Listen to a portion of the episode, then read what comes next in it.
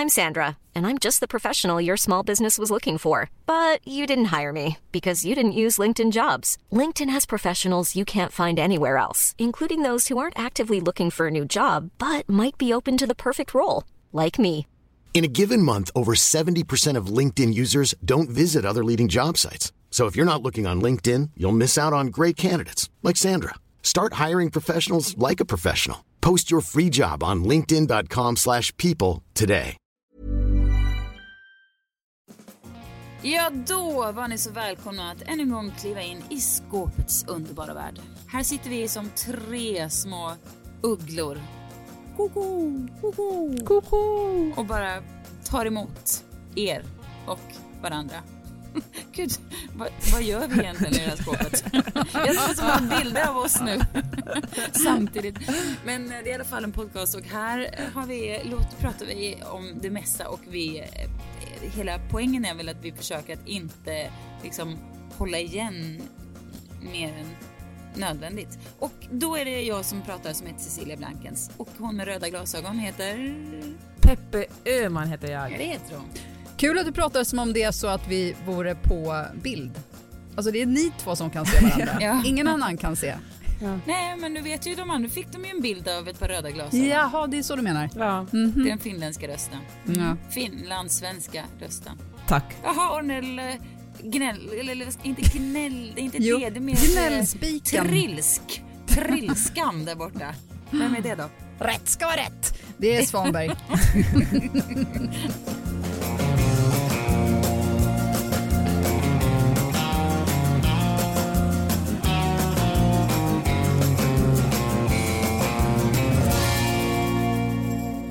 Idag sitter jag i en bil i Stora Skuggan som om man inte bor i Stockholm så vet man inte vad, då tänker man sig vad är det här för Vilken mystiskt rolig område.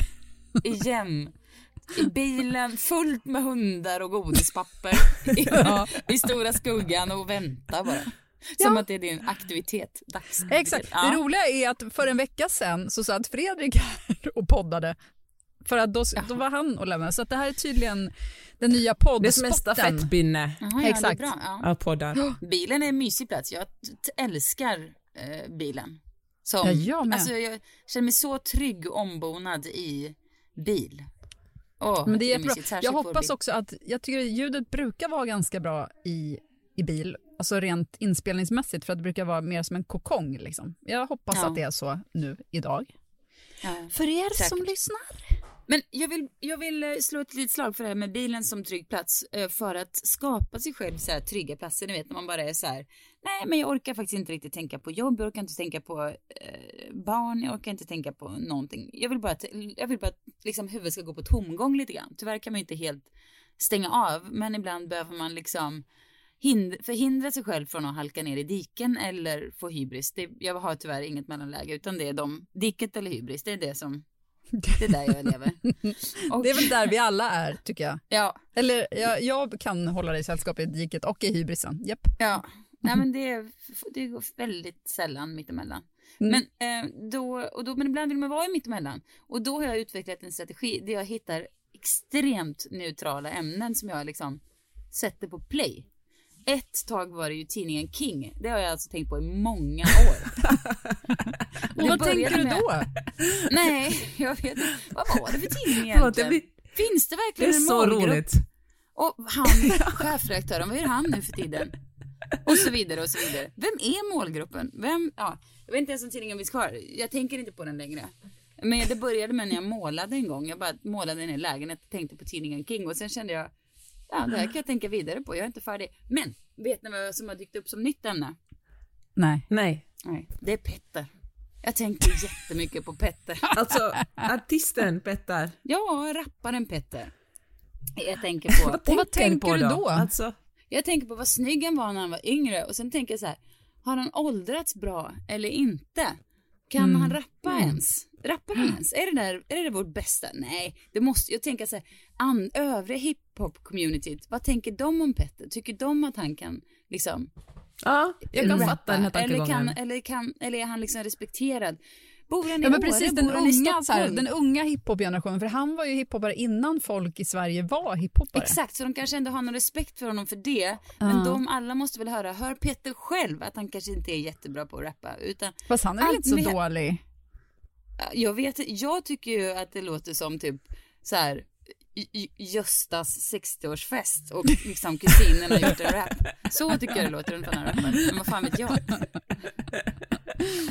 Så det där, det är perfekt alltså. I- Igår satt jag i bilen, jag tänkte på Petter så mycket. Men också det här, bor han i Åre? Vilket långt och härligt äktenskap han har. Han har. Mm. Vad många Men barn? Var det inte en annan mamma till det första barnet? ja, det, det bara fortsätter och fortsätter och fortsätter. Petter är en gift that keeps on giving att tänka på. det, kan liksom aldrig, det kan heller aldrig bli, ja, precis, det kan aldrig bli farligt. Det kan aldrig bli utmanande. Det kan aldrig bli det är farligt. bara sövande. Men har han Mm. åldrats bra eller inte? Och är han i sådana fall den enda liksom flintismannen som ändå är snygg? Ja, ni vet, det bara fortsätter. Mm. det finns så ja. mycket att fråga sig om Petter. Nej, jag rekommenderar det. Har ni Ska någon vi ha en diskussion om Petter? Fast det ska vi inte ha här för att allting är spekulationer och rent eh, skitsnack. Men eh, jag tycker att han åldras bra. Vi får helt enkelt, vi får ta Mm. honom som gäst i podden Ja. efter det här alltså. Ställa alla frågor som Sissan undrar. Jag intervjuade honom en gång och eh, när jag var jätteung och då var jag så eh, jättenervös för jag tyckte han var så otroligt snygg. Men eh, sen tror jag inte han gjorde så värst mycket intryck. Men i alla fall, har ni något sånt där, kan ni känna igen det? Har ni något ämne på det här viset som är liksom en tillflyktsort, en neutral, bara helt, liksom Ja, ja. alltså jag tycker man har olika, alltså på samma sätt som du förut hade tidningen King nu. Eh, men jag hade en period när jag brukade vakna på natten, alltså bara för några veckor sedan, och då låg jag och tänkte på, och det här tyckte jag var så mysigt att jag nästan såg fram emot att ligga vaken på natten. ja. Men alltså jag har liksom en, en bokidé som inte är helt klar. Men Ah. som jag tänker att om jag blir klar med den här första bokidén, då kan jag sen börja på den här andra. Så att det finns liksom, det är bara mysigt att tänka på det, för det finns Ja, inget krav. ingen det är ingenting som jag måste liksom. gå upp på morgonen och bara lösa, utan det är bara så här, aha, ja, okej, och vad händer Det sen då? ju-. Exakt det jag gör. Alltså det är Mm. det bästa sättet för mig att somna när jag, ska, när jag vaknar på natten. Mm. Är bara gå till nästa bokidé. Mm. Somna Men gud på vad skönt det låter. två Det är i alla sekunder. fall någonting som kan ge något.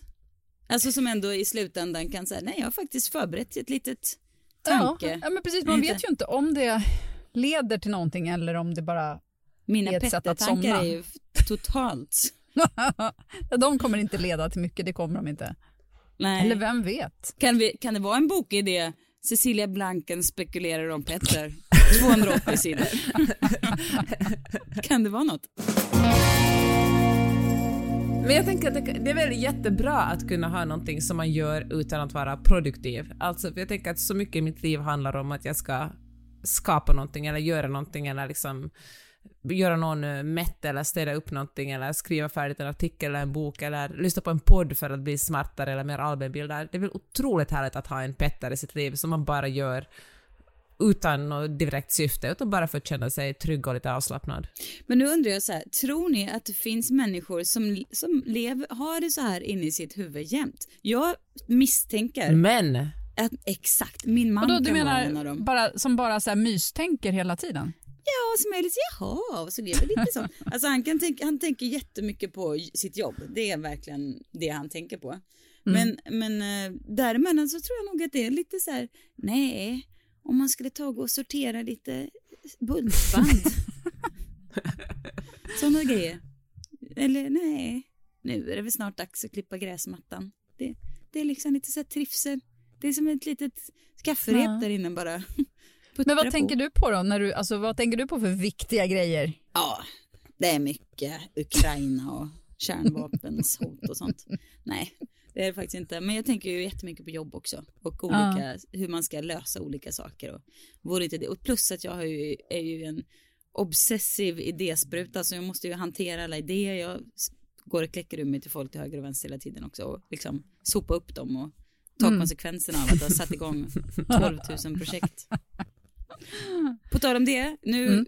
hör jag att det här låter, men jag får så mycket så här ADHD-appsreklam. Alltså så olika ADHD-appar.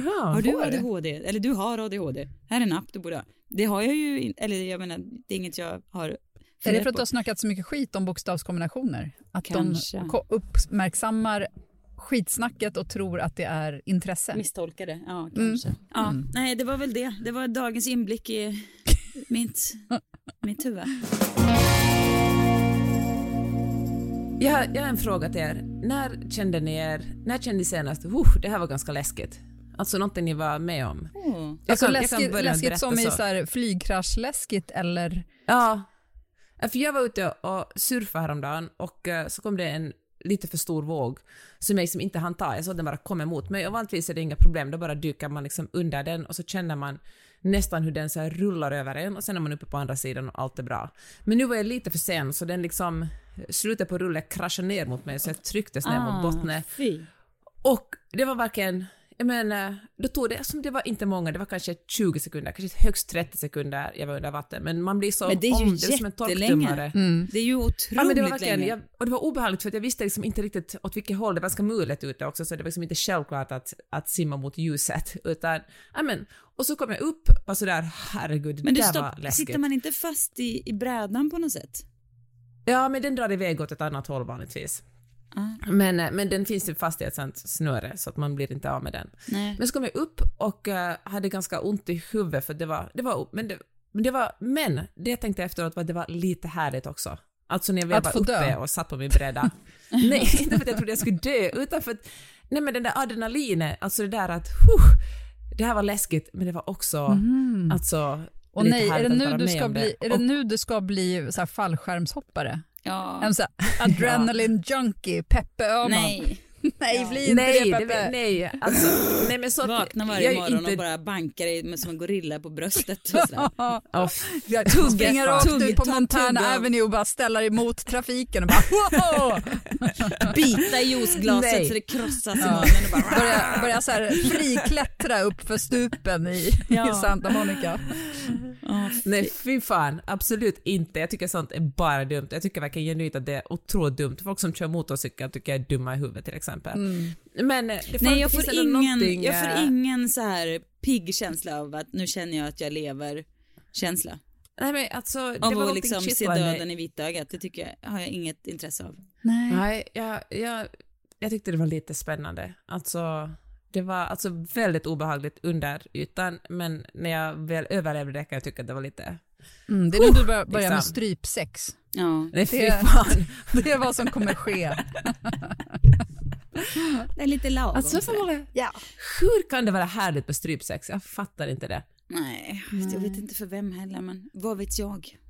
ja, men det är väl någonting med syre, alltså att syret faller bort och sen... Va- Ja, det, Men ja, ja då så. Då, väldigt test, då bara måste jag testa. Men och sen när man väl får syre tillbaka då blir man väl extra glad kanske. Ja, nej, det var ju det jag kände under vattnet, men jag känner ändå, ja, men att någon ska strypa, nej för fan. Men, nej, men däremot hade jag ju som nyårslöfte, var det i år kanske, eller var det förra året? Jag minns inte. Nej, det var testa strypsex. faktiskt. Ja, mer på mig själv. Ja, Ja, det gör ju folk i och för sig. men, det- Michael ja. Hutchins han dog ju så. Ja, exakt. Ja. Det är ju det förnedrande. man ju aldrig. Ja, nej, jag kommer inte, det, jag avböjer. Men det, fi- det, jag gjorde liksom ett, ett nyårslöfte att jag skulle liksom, jag märkte att jag blev så här, jag började bli mer och mer så här feg i huvudet. Det vill säga, uh, vet, du, man skulle rida och så var det mer så här häst alltså, att det var mer eh, att var, liksom att jag började vara så här mer och mer, eh, åh nej inte så fort och allt som kan hända och det är feg helt enkelt. Och om jag såg en bänk så var min första tanke så här, oh den där skulle jag aldrig kunna hoppa upp på. Alltså det var något i mitt huvud som gjorde att jag började liksom avveckla mig själv Mm. fysiskt. Att det skulle bli, och det kände jag, så här kan vi bara inte ha det. Alltså min första tanke var så här, nej det där kommer jag aldrig klara. Och det går inte att ha det som första stopp i huvudet när det är fysiska saker. Eller att det ska vara läskigt liksom. Så. Nej, det låter... Så det har jag aktivt jobbat mot. Att, eller, typ, eller när man åker slalom, att man behöver inte vara daredevil, men det var inte det, det har jag aldrig varit, utan det här var mer att jag började bli liksom mega feg. Och det fick jag bara sätta ett stopp på, för jag hade verkligen, alltså det, det har, finns inget intresse av att börja liksom se sig själv som en person som inte klarar saker eller så. Man behöver inte vara Men hur gjorde Liksom. du då? Du bara bestämde dig för det eller vad? Ja. Mm. Men varje gång jag var i skidbacken och, och ville så här uh, ploga mig ner eller typ nej men jag tror jag stannar i värmestugan så fick jag helt enkelt inte göra det. Och varje gång jag var så här nej men jag tror inte jag rider ut idag eller nej vi tar bara en liten skrittur så, där, så fick jag mm. bara så här nej nu gasar du på lite extra i galoppen istället varsågod. Och då märker man ju att det är eh, mycket roligare. Ja, det är ju en fin känsla att märka att man fixar saker, alltså rent fysiska ja. saker. Det är verkligen härligt att känna sig ja, men, lite modig och stark och snabb och sådär. Ja, men apropå att tänka på Petter, så idag när jag körde på Valhallavägen, som är alltså en bred gammal gata i Stockholm, så körde jag långsamt och så ser man vet, folk, massor av folk ute, de går med sina telefoner och håller på och kollar. Och då fick jag den här banala tanken att och, alltså, och det här har vi kans, kanske... Nej, jag ska inte be om ursäkt för den här töntiga tanken. Men så här, vilka, så många intryck som man får nu jämfört med, säg, för hundra år sedan när folk mm. bara mötte dem de mötte och inte du vet, 5000 olika personer på TikTok under en lunchrast mm. eller alltså där, och vad mm. det gör med en och för ens självkänsla. För jag tänker att man, det, ska, det skulle både kunna vara bra och dåligt. Ja, dåligt tror jag. Tror du det? Livet får så otro, många, så många fler layers som vi absolut inte klarar av. Alltså tänk vad härligt i en tid när livet handlade om att liksom skaffa mat och stoppa strumpor. När man typ och... ja. träffade hundra personer under hela sitt liv. Ja mysigt. Men var det bättre? Alltså bättre vet, det beror kanske lite på vad man var för slags person, men för många tror jag att det skulle vara bättre. Men alltså jag tror att hjärnan inte hanterar så många, utan att hjärnan automatiskt bara smäller ihop dem. Typ man ser jättemånga personer på TikTok och på Instagram och vad man nu allt hänger. Och eh, för att kunna hantera det så smälter hjärnan ihop dem till en person och då tror jag man blir stressad för då tror ens hjärna att det är liksom den här en person som är otroligt snygg och bra på allt och har liksom snygga hästar eller stora hus och, och, eh, och i jämförelse med den här människan som inte ens existerar så tror man då att man kanske inte mm. är Att man skapar alls. en supermänniska av, ja. av alla inläggsskryt. Men det, ja, och det skapar ju också en lite så här masspsykos. Jag var med i ett program i Ekonomibyrån, eller jag var med på länk, men jag tittade på programmet där, där doktor Mona och eh, även Sara Wimmercrantz var med eh, sen. Och då, pratade, och då pratade vi om um, lågkonjunktur, än. Och då sa eh, doktor Mona, eh, nu vet hon som är hjärnforskare men också mm. investerare och sådär. Hon, hon sa liksom hur det blir nu när vi har så otrolig tillgång till information och hur det liksom sprids så snabbt. Hur det liksom man gör saker värre genom för att alla börjar bli så här, åh vi har inga pengar, nu har vi liksom, åh elen är så dyr och vi har inga pengar kvar. Då blir folk bara liksom, då springer man som liksom dumma får, så här, åh hjälp, så här. Men mm. egentligen är det kanske inte, för vissa absolut, men för många är det inte så farligt och då blir det, folk agerar som att det är kris och mm. panik och då blir det det för att ja, folk mm. helt stänger ner liksom.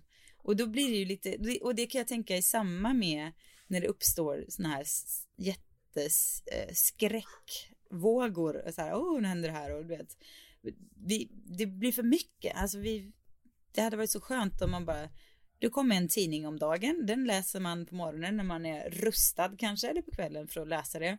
Och då vet man att det är, och sen så slapp man skiten däremellan. Det är ju inte klokt att vad mycket man ska behöva hantera information, mm. åsikter, mm. läskiga nyheter. Det är då det är skönt att det finns en Petter att tänka på när man vill koppla ja, bort det får man det där. Petter bara. Ja men alla måste väl ha en Petter.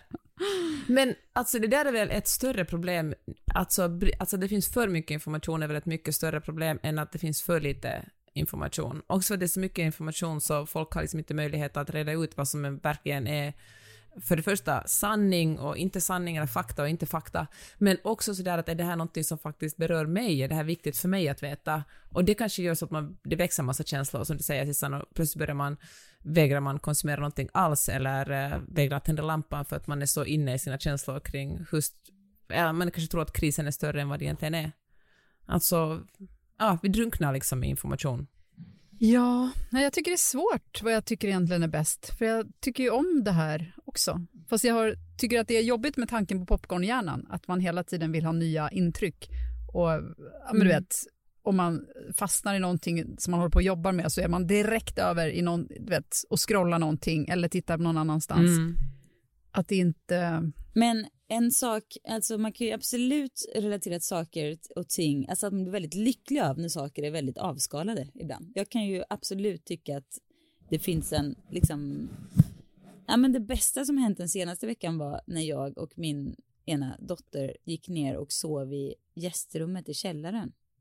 Och där har vi en liten brasa också, så då, eller öppen spis. Så då tände vi öppna spisen och så kröp vi ner och la oss där. Och det var ju liksom, ja det var ju inte någon investering på något sätt, varken i pengar eller tid eller så. Och det tycker jag så ofta, det, de bäst, alltså gud, vad, vad är det nu för jätteklyschor jag säger? Men det, är, det är det lilla finns det stora. Men, Det är det stora men- klyschavsnittet, det är så det får vara. Ja, det är Ja. väl på Ja. tiden. Nej, men jag menar att eh, jag, jag vill bara påminna om det då. Att det är så otroligt små saker som... Det enkelhet är ju så... En så Mm. jag vet inte, för mig i alla fall är det alltid där. Eller jag, jag tänker ofta på så här början av pandemin. Jag hade ju lyxen, eller vad man ska säga, att få ha corona tidigt. Så jag var ju liksom inte avklarad med det. Så jag behövde inte vara så orolig så för egen del. Andra människor såklart, men för egen del kunde jag släppa i alla fall och familjen och sådär. Men jag tänker ofta tillbaka på det som något av den mysigaste tiden alltså. Alla bara var hemma, vi var ute i trädgården och odlade lite. Det var så mysigt. Men fatta vilken tur vi hade, alltså sådana som vi tre, som var liksom ganska medelålders under den här perioden. Tänk om man alltså, hur annorlunda det var om man var 20. Visst, de gick säkert ut ändå, men vi som bara hade ett hem Ja. som vi trivs i, familjer vi trivs med, alltså det, då är det klart det är mysigt. Ja, eller hela gymnasieåren bara försvann. Ja, fy att missa ett sånt.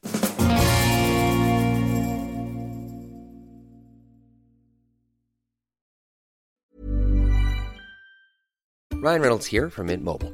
With the price of just about everything going up during inflation, we thought we'd bring our prices down. So to help us, we brought in a reverse auctioneer, which is apparently a thing. Mint Mobile unlimited premium wireless. Ready to get 30, 30, bit to get 30, bit to get 20, 20, 20, bit to get 20, 20, bit to get 15, 15, 15, 15 just 15 bucks a month. So, Give it a try at mintmobile.com slash switch. $45 upfront for three months plus taxes and fees. Promo rate for new customers for limited time. Unlimited more than 40 gigabytes per month. Slows. Full terms at mintmobile.com. Hiring for your small business? If you're not looking for professionals on LinkedIn, you're looking in the wrong place. That's like looking for your car keys in a fish tank. LinkedIn helps you hire professionals you can't find anywhere else, even those who aren't actively searching for a new job but might be open to the perfect role. In a given month, over 70% of LinkedIn users don't even visit other leading job sites. So start looking in the right place. With LinkedIn, you can hire professionals like a professional. Post your free job on linkedin.com slash people today. Men hörni, jag hade en sån otroligt bra läsflow efter att jag kom hem från Göteborgs eh, bokmässa. Och jag tänker att det är väl ändå en ganska skön, det på så vis lugnar man ju ner hjärnan lite om man bara kommer in i att läsa och uh, längtar lite efter att läsa vidare en bok. Ja, det är verkligen sant. Det är där Bookie kommer in i bilden också. Så man, Ja. Det är ju verkligen, nu, det säger jag ju varje gång vi pratar om Bookie, men jag är så tacksam över att Bookie har dykt upp som och verkligen fått tillbaka läsningen i mitt liv. För det är så, alltså det, man, man bara kan komma på en ledig söndag att man så lägger sig i soffan med en filt och läser. Det är så mysigt alltså. Det är därför oktober och november är de bästa månaderna, särskilt november. Det finns det inget annat man kan göra. Man kan bara ägna sig åt så här, vara som en liten katt som ligger och slickar på sin tass fast mentalt liksom, själsligt. Ja, jag ska tipsa om en bok i slutet av den här podden. Då ska ni få boktips. Åh. Men det sagt, det sagt om bookies så är det faktiskt skönt att någon annan väljer. Det tycker jag också blir ett problem det där att man ska, att, att så, så här decision fatigue, man orkar bara inte välja vare sig det är liksom en Netflix-film eller en bok. Det är så skönt när man är någon som, det är någon som kommer in och kurerar innehållet och en är bara sådär I got you babe. Här är fem bra böcker eller här är fem bra filmer eller fem bra artiklar. Läs de här så är, så är allt bra. Det är så skönt tycker jag. Jag tänker att det är verkligen framtiden just på grund av att vi drunknar i så mycket information. Att någon som man litar på kommer och håller den i handen och kurerar innehåll för en. Ja. Men eh, jag tänker på det här med att jag tänker på Petter. Tror ni Petter vill veta? Tänker på dig? Ja. Nej. Högst sannolikt inte. Det hade ändå varit otroligt om han gjorde det. Då skulle man ändå behöva ses och utreda om det kanske var menat för oss att leva tillsammans. Om det var så att han Mm. bara, nej men jag tänker ju på dig. Jag bara, va? Vi känner inte varandra. Precis.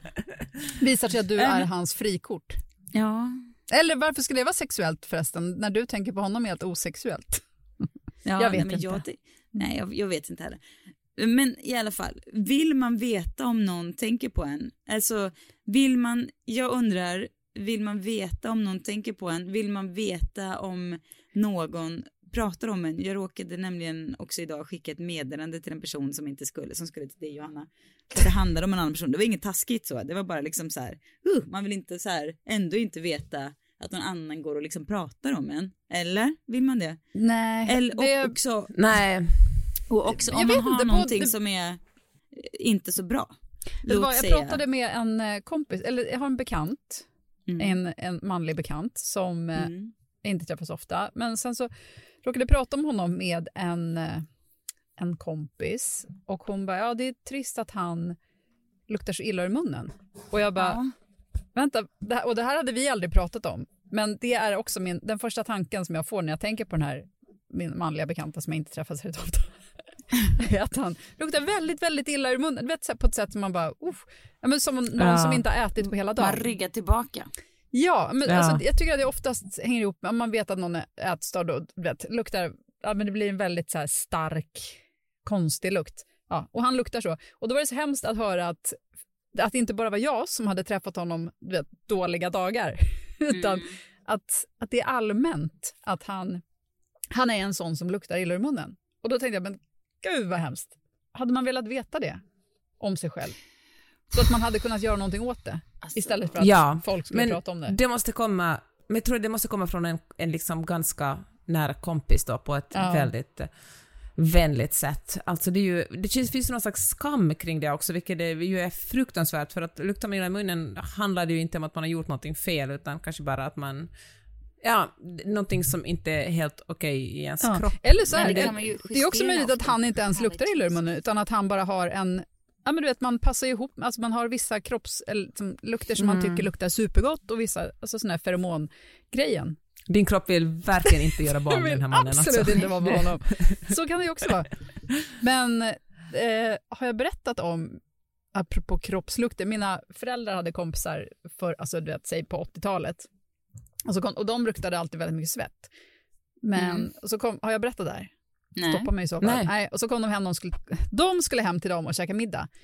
Och så kommer de dit och så öppnas dörren och min pappa bara, mm, blir det indiskt? Och de andra bara, eh, Nej. nej. det blir det inte. Han bara, eh, nej just det, nej nej, det var inget. Du vet, bara spiskummin är liksom väldigt svettluktande. Hemskt. Åh. Oj, oj, oj. Åh, fy vad jobbigt. Ja. Men, eh, nej men jag tror kanske, just, alltså just dålig andedräkt, det skulle väl ändå vara, alltså det skulle inte vara roligt, det skulle vara helt knäckande att höra bara, nej men vet du vad, du stinker. Mm. Men det finns ju ändå någonting man skulle kunna göra någonting åt. ja. Jag blir alltid så här, Mm. jag avskyr när man är borta och man känner att man inte smakar helt fräscht i munnen. Jag blir helt asocial, jag vågar typ inte prata med folk. Det kan sabba vet. en hel kväll verkligen. Ja, jag vet. Om man, men jag, Ah. alltså det är det värsta jag vet. Om jag vet att jag är hungrig och så då tänker jag alltid på den där lukten som, som jag kan känna hos andra. Och jag, då, därför lär jag ju ha den själv. Och man bara, uh, nu måste jag bara prata åt ett annat håll. Usch vad hemskt. Men om det handlar om att man har någonting mellan tänderna, jag kan känna där, det är ju en väldigt enkel sak att fixa, det är någonting som man inte går ut, som oftast händer det bara just i den stunden. Jag kan uppleva att det finns någon slags fin intimitet när man säger åt någon, Även, till och med någon som inte är en supernära vän, man bara, du har lite spenat mellan tänderna. Ja, Jag tycker att ja. man, det blir en, man kommer den personen lite närmare då, för man har, Det, det tycker jag man typ, det är nästan som man kan säga typ i ett möte med folk man inte träffat ja, förut. Det är på Verkligen. den nivån. det är nästan, För att det värsta jag som finns är ju det om man går runt med sånt där. Alltså jag vet när man vet att, eller om jag, jag kan gå in på toa och bara oj nu, nu har jag mascara som sitter liksom under ögonbrynen för att vet, kladdat av sig för jag har svettats Ja, eller ja. vad jag har gjort för något. Och, och då, när folk inte har sagt det, man bara, men det är bara att dra fingret. Det är, det är bättre att få bli av med det än att gå runt Ja. och tänka nu har folk... Ja men det skulle inte jag ändå säga till folk, det är väl ändå så här. Det är sånt man får Mascaran? räkna med lite grann. Ja. Vadå? Ja, kanske om det är en men stor varför är, det, varför är det Jo men om det är lite smink som har ramlat ner, du bara... Läppstift på tänderna, det säger man nog. Det, Ja. det tycker jag, det måste man säga till om. Ja, det måste man faktiskt säga. Ja. Men man säger ju, och man säger om gylfen nere kanske man också säger, eller om någon har liksom fast, någon tröja har fastnat, eller någon, något liksom, mm. tröjan i strumpbyxan eller sånt där. Okej, men att pilla in någons, eh, den där lappen som hänger utanför liksom bak på tröjan, Nej, hur, det gör är jag det inte. liksom för intimt? Skulle du göra Eh, det? Nej, men jag har lite en ovana att plocka hår från andra människor. Alltså om någon, om någon har... Det är väl det- lite sådär apbeteende. Fast det Ja, gör jag i och för sig inte på folk jag inte känner. Ja, det jag gör det. jag. Alltså jag typ gör det på folk i tunnelbanan. Ja. Borsta bort mjäll från Som en liten axlarna. apa. Så här, plockar löss. Stoppar du det i munnen också? och Och plockar från Ja, ryggen och så precis. mm, mm, mm. Gott. Ja, nästan. Inte långt Ja. ifrån. Men man säger ju kanske inte om någon luktar svett om det inte är ens barn typ. Eller liksom familj. Nej. Mm, nej. Flottigt hår säger man ju heller inte Nej. någonting om. Förutom om man är min pappa, för att jag, jag var med i en, en, en talkshow i somras i Finland och eh, så såg pappa den långt efteråt och så sa han att uh, han, han var att men du såg ju verkligen, du såg bra ut och sa smarta saker men visst var ditt hår lite flottigt? och, Va? ja, Gud vad konstigt. ja.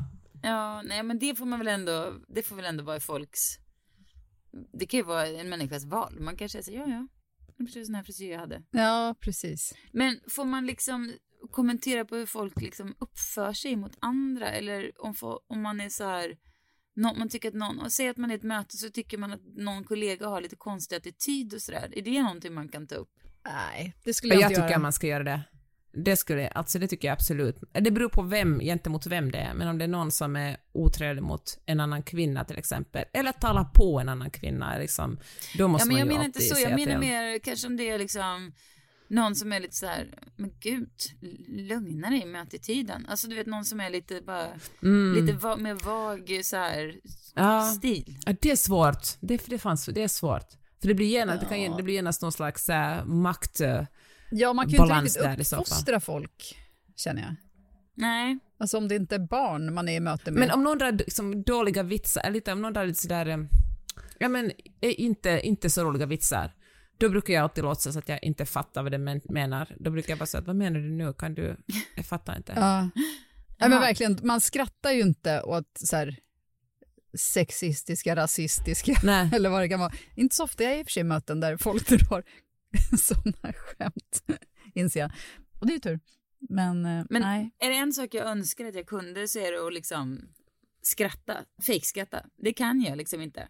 Det, det går inte. Ja. Någon ska dra ett skämt som inte är kul och det ändå var trevligt att kunna bara men det har jag kan inte. Du typ drar fram ett manus där du bara haha, haha, ha. Nej men då blir, det, då, blir det, då blir jag väggen istället. Jag bara, nej. Alltså jag kan inte ens försöka vara trevlig. Ja, Men överhuvudtaget, det är ju inte ens skratt. Utan jag skulle önska att man bara kunde fejka alltså, sitt ansikte. Att man såg ut som att man så här, ja ja, du vet. Men istället, och att ansiktet inte visar exakt det som man Mm. tycker. Usch vad tråkigt. Hemskt. Blä. Ja.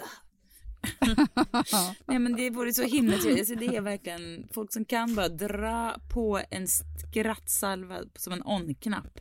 Det är verkligen... Fast det märker man ju, alltså man märker, känner Mm. kanske inte igen det, folk som inte känner så bra kan det vara svårt att tyda det, ett riktigt skratt, ett fejkskratt. Men den människa man lever med har man ju stenkoll på när den fejkskrattar. Alltså, och det är ju, jag kan verkligen bli otroligt irriterad när Magnus fejkskrattar. Jag känner verkligen att, men tyst. Ja. Ja, men annars är det en bra, en bra grej att kunna. Det är verkligen en egenskap jag hade velat ha. Vi var på en middag igår och då pratade vi också lite om det här med du vet, det var ett gäng kvinnor och eh, kvinnor är ju liksom väldigt bra med att vara öppna kring med sin osäkerhet. Kanske lite för bra. Bara, Nej men det här, är det här så bra och man börjar liksom ursäkta sig och sådär. Och det är ju verkligen någonting man bara får eh, lägga ner med. För det, man måste ju bara äga sin så här grej, vad det än är. Man, man ursäktar sig, det kan man göra inombords och börja så här, men man ska ju inte börja säga så här, jag funderar på om jag skulle göra den i svart istället och var det verkligen maten, har varit lite för mycket mat eller var det lite för lite mat eller det, där man ska, det man får bara, det var jättebra. Och då eh, pratade vi ju om, alltså det här är sån, eh, det här är min bästa grej och jag har nog alltid haft det här i mig lite men sen är det min son som har liksom myntat eh, Vem bryr sig? Och det tänker jag, alltså jag lovar att det är fem, sex, sju, kanske tio gånger om dagen när man hamnar i en situation när det är lite så här, oj då nu satt jag på hela mötet med spenat mellan tänderna, ja ah, vem bryr sig? Alltså då bara man har sagt det så känner man också det ganska mycket. Mm. Att säga det, säga det rakt ut Ja, eller för sig själv. Jag vet inte, bara man har formulerat det. Man kan avsluta så ett bra. älт med att bara vara så äh, vem bryr sig? Verkligen. Man känner, För folk bryr sig verkligen lite, mycket Det var mindre. ju lite jobbigt och så en stund. Men nu, nu var det färdigt ältat. Vi kan inte lägga mer tid på att fundera på om jag hade spenat mellan tänderna Mm. eller inte. Eller om min andedräkt var äcklig eller inte. För vem bryr sig? För grejen är, vem bryr sig? Ingen bryr sig. Ja, faktiskt det vill jag säga ändå är en av de sämsta grejerna med kvinnor, att vi ofta kan sitta och älta Ja. saker på ett sätt som är bara Ah, sinnessjukt. sån jävla waste of time alltså. Och Ja. waste of fun också. För det är så tråkigt att älta saker. Fast jag kan tycka det är fint ändå när folk visar sig sårbara. Det finns ju folk som, alltså, man kan, då kan Jo, man ju... fast det är en sak att göra det tycker jag och sen en sak att liksom bara dag ut och dag in älta vad man har gjort fel. Verkligen. Det är nästan Nej. borderline narcissistiskt, håller jag med om. Om man verkligen tror Ja. att alla andra bryr sig så otroligt mycket om vad man, eller kanske inte narcissistiskt, egocentriskt. Folk Ja. bryr sig verkligen generellt Ja. bara om sig själva, inte så mycket om vad man själv håller på med. Men på här, det, det var någon som eh, sa, nej okej jag erkänner, jag hörde det här på TikTok, men jag tyckte det var bra så jag säger det i alla fall. uh, nej men så här, att när man talar illa om sin egen kropp, då talar man automatiskt illa om eh, andra människors kroppar också. Ja. Och eh, jag kan tycka att det var någonting som är viktigt att komma ihåg, komma ihåg för att om man, eh, ja men, det är klart att alla har känner, kanske alla inte känner sig toppsnygga 100% av dagarna, men eh, att beklaga sig inför andra människor gör ofta att de blir medvetna om exakt den delen på sina kroppar också. Ja men vad bra. Också- Om man inte kan göra det för sin egen skull får man göra det för liksom ja, som god medborgare, som god medborgerlig anda bara hålla käften. ja, verkligen. Mm. Så du menar att jag ska inte uttala mig om andras eh, dåliga andedräkt utan göra någonting åt min egen? Helt Johanna, rätt. du har fått, Helt rätt, du har fått 50 000 kvinnor att tänka på deras knän.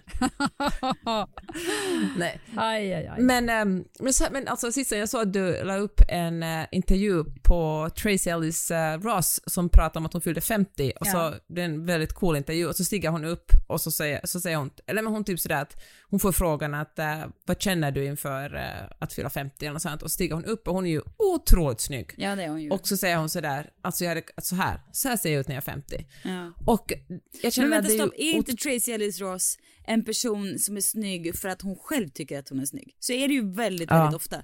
Alltså tänker man att man Hon- är lite ja. snygg så blir man Hade hon liksom inte haft den här utstrålningen och pond, jag menar hon, hon, hon är ju snygg såklart, hon är ju Diana Ross dotter, det är klart hon är snygg men, men jag menar, hade hon haft lite annan hållning och sett lite skyggat undan och varit lite osäker och ursäktat Ja. sig så hade hon ju varit inte ens hälften så snygg.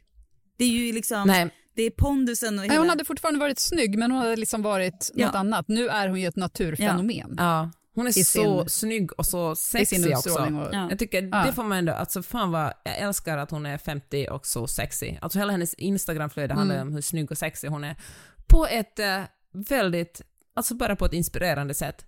Men det som jag också tänkte på är att eh, fan vad, eh, fan, att orka, alltså jag tycker det finns en skillnad mellan att känna sig snygg och uh, vilja vara sexig. Eller jag kanske inte rätt ut det här helt i mitt huvud, men ni kanske kan hjälpa mig. Men det finns också något som stör mig jättemycket i att kvinnor har en sån förväntning på sig att vara så jävla snygga så långt upp i åldrarna. Det kommer liksom aldrig en... Fast vänta lite nu, är det, fast stopp, är det inte så här, gör man inte, slutar man inte tänka så här, snygg för mig är fan vad jag känner mig snygg, för det kan man göra ibland, det är ju inte att jag liksom nödvändigtvis känner mig snygg, utan är mer att jag har en, en så här hög äl, självälsknivå i kroppen. Alltså jag fattar ju Ja. att det är inte liksom, det spiller ju ut i känslan av att man är snygg. Men jag tycker att när man är liksom 43 då är ju snygg en helt annan sak än när man var 16. Liksom. Ja, det är klart.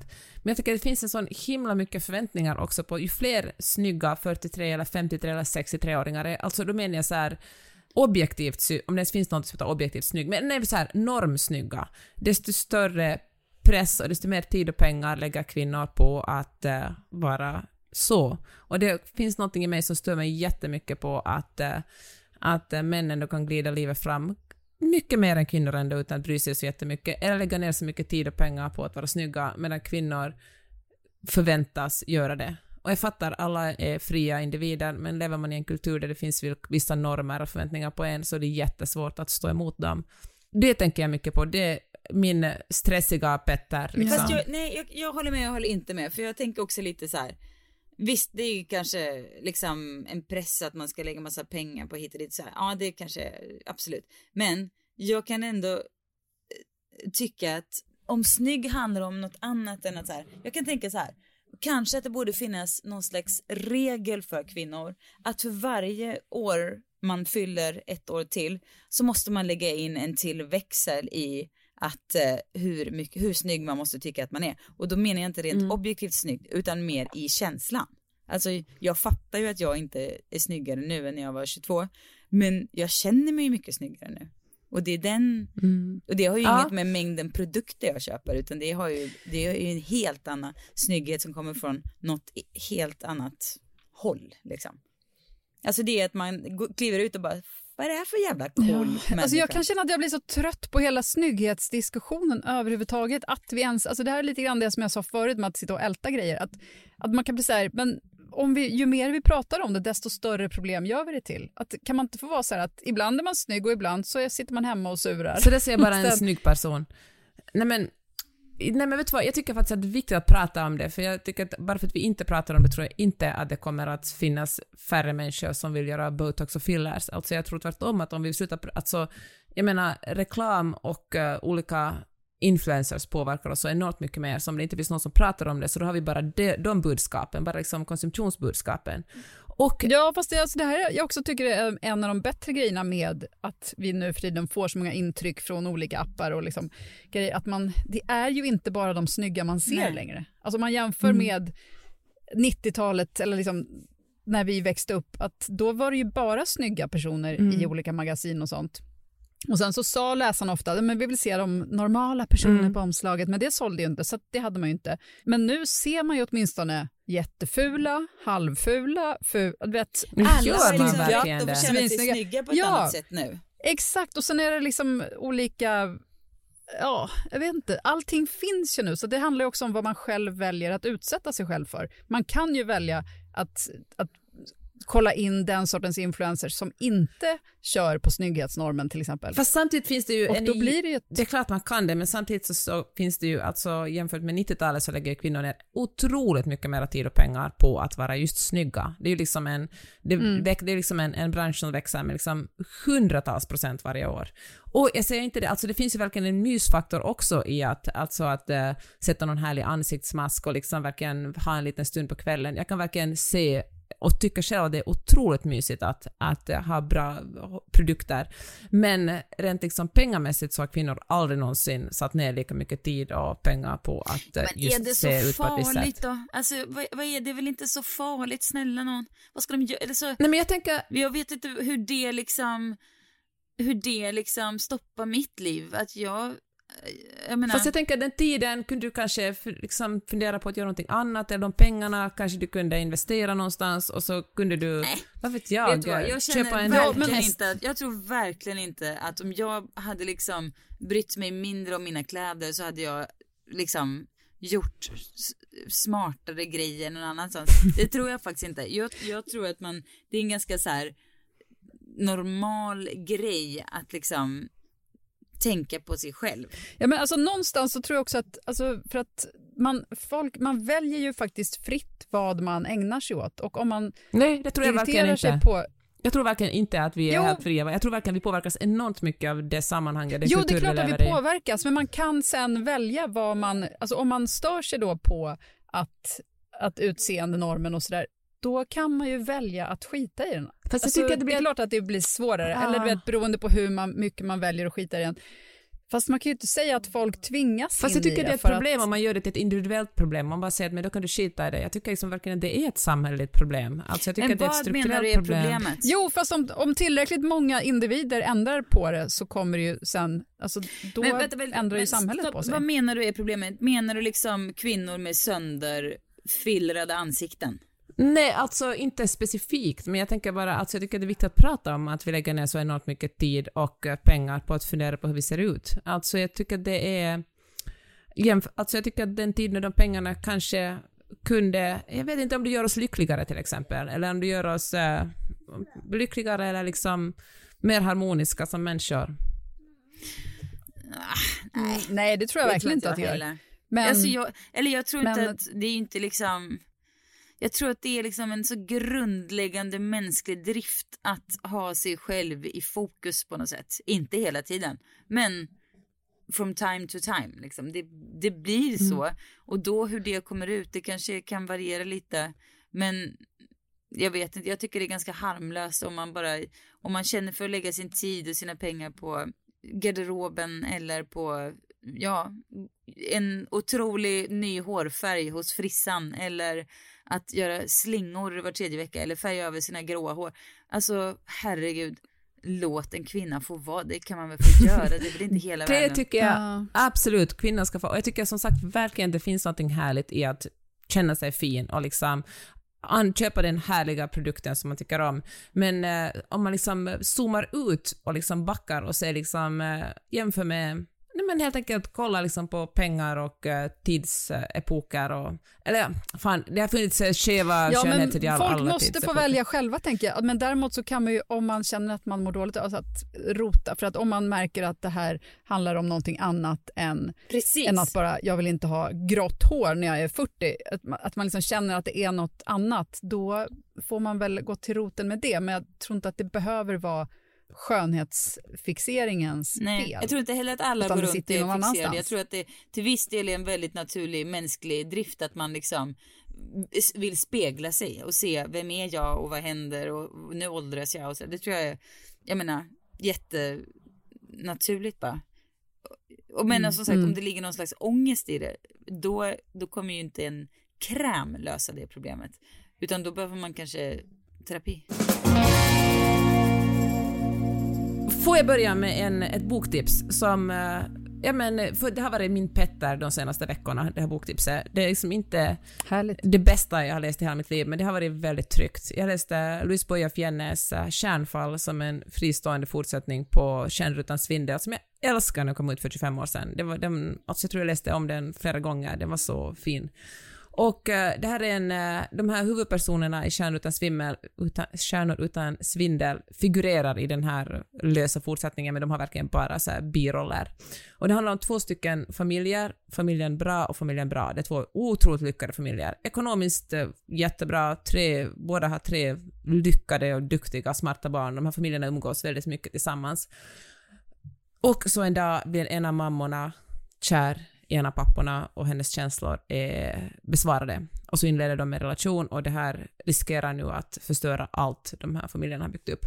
Och det här är en jättetjock bok och man får följa med man får följa med liksom både hur det går för barnen och hur det går för de andra föräldrarna och, eh, och hur man ska lösa det här jättestora problemet. Och det är verkligen det är deras kärlek viktigare än att hålla den här vänskapen mellan familjerna och relationen till barnen och de är gudmödrar åt varandras barn. Och det är, och den är så, alltså den är så trygg att, att läsa. Det känns som en, och den är så tjock så det, och det är liksom skönt att få, få finnas i det här universumet, liksom. bara hänga med och liksom inte, jag känner mig verkligen inte känslomässigt engagerad i någon av de här karaktärerna, men det är så mysigt att få, nej men så som du känner inför Petter, Sissan alltså, det är okej hur det än blir liksom. Är det år eller inte år, det är fine.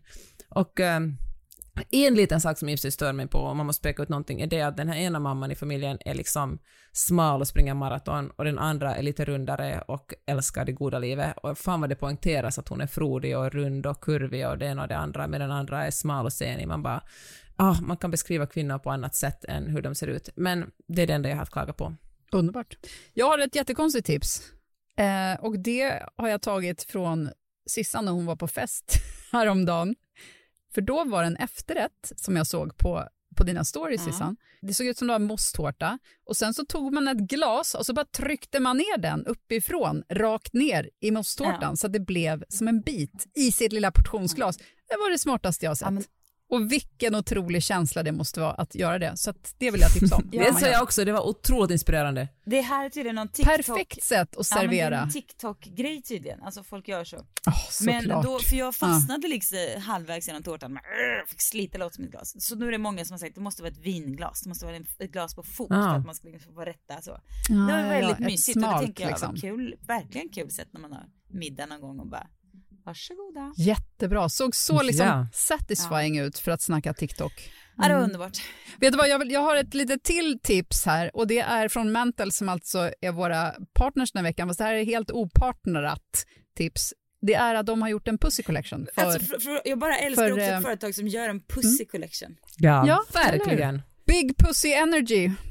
Tre olika produkter, kolla in dem. När det ändå är inne och kollar in The Rebound Serum, då kan man kolla in The Pussy Collection Ja, också. Jag är mycket, unna sig något jag fint. kommer prova på när logistiken är redo att eh, prova kanske the big O. Det är liksom någon slags eh, liten smudgy juicy Mm. olja som typ har lite sting i sig också. Vad ska hända? Då blir det livat. Ja, men. Menthol får Det väl är fart i ändå logistiken. otroliga produkter måste jag säga. Nu har jag just eh, snackat om skönhetsindustrin men jag kan verkligen genuint säga att jag älskar varje burk jag öppnar från Menthol. Men Doftar hallå, så de- underbart. fast vet och, du, jag, jag måste säga att Mantle är väl allt det som den delen av skönhetsindustrin som du pratar om inte är. Nej, jag håller med. Håller med, verkligen. När, när det handlar om bara det där härliga, det finns liksom inget, ång, liksom, inget dåligt, inget så här du ska bli bättre, snyggare, finare. Nej, men handlar det finns mer om inga- mys. Anti-aging, det finns ingenting så här blir du snyggare, utan det kan jag, alltså det kan, det, ja, det älskar jag, det tycker jag är så fint och uh, sånt vill jag verkligen bejaka. Jag, jag älskar Menthol. Jag får se, mitt, mitt eh, enda tips är väl då, jag upprepar det för jag tror jag sa det förut, men jag kände fan vilken bra idé. Nej men jag tänkte att det här med att vi kanske, alltså att kvinnor ska sluta bekymra sig så jävla mycket över om eh, Sa jag det eller sa jag inte det eller blir den ledsen nu eller gjorde det fel så här. Eller har jag köpt, var tillräckligt presenten jag köpte till barnkalaset tillräckligt bra eller har jag nu, alltså släpp det bara. In, bry, du vet, släpp det bara. Unna dig att vara så här, men bryr sig lite oftare. Och, Men unna dig också att för varje år ska du känna dig snyggare och snyggare och snyggare. Bara som du är eller hur du nu vill göra det. Men det är liksom, det är en mental grej. Alltså det handlar inte om att man ska bli snyggare utan mer känslan av att man så här kommer ju en riktig heting. Ska öka för Ja. varje år som går. Det får väl ändå vara målet. Men detta säger vi adjö för denna vecka. Ja, vi. Tack för att ni lyssnar på podden, tack för att ni prenumererar på podden, det betyder så mycket för oss. Och tipsa en vän om skåpet, det gör oss otroligt lyckliga. Vi hörs nästa vecka, hejdå! Hej då! Hej då!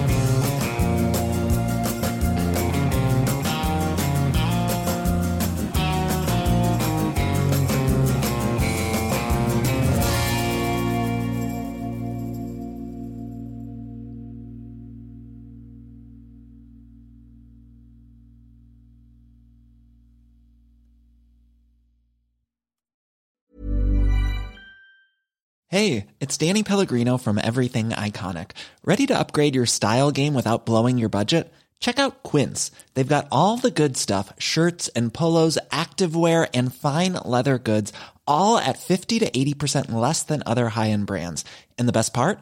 They're all about safe, ethical, and responsible manufacturing. Get that luxury vibe without the luxury price tag. Hit up quince.com slash upgrade for free shipping and 365 day returns on your next order. That's quince.com slash upgrade. Even when we're on a budget, we still deserve nice things. Quince is a place to scoop up stunning high-end goods for 50 to 80% less than similar brands. They have buttery soft cashmere sweaters starting at $50, luxurious Italian leather bags, and so much more. Plus, Quince only works with factories that use safe, ethical, and responsible manufacturing. Get the high-end goods you'll love without the high price tag with Quince. Go to quince.com slash style for free shipping and 365-day returns.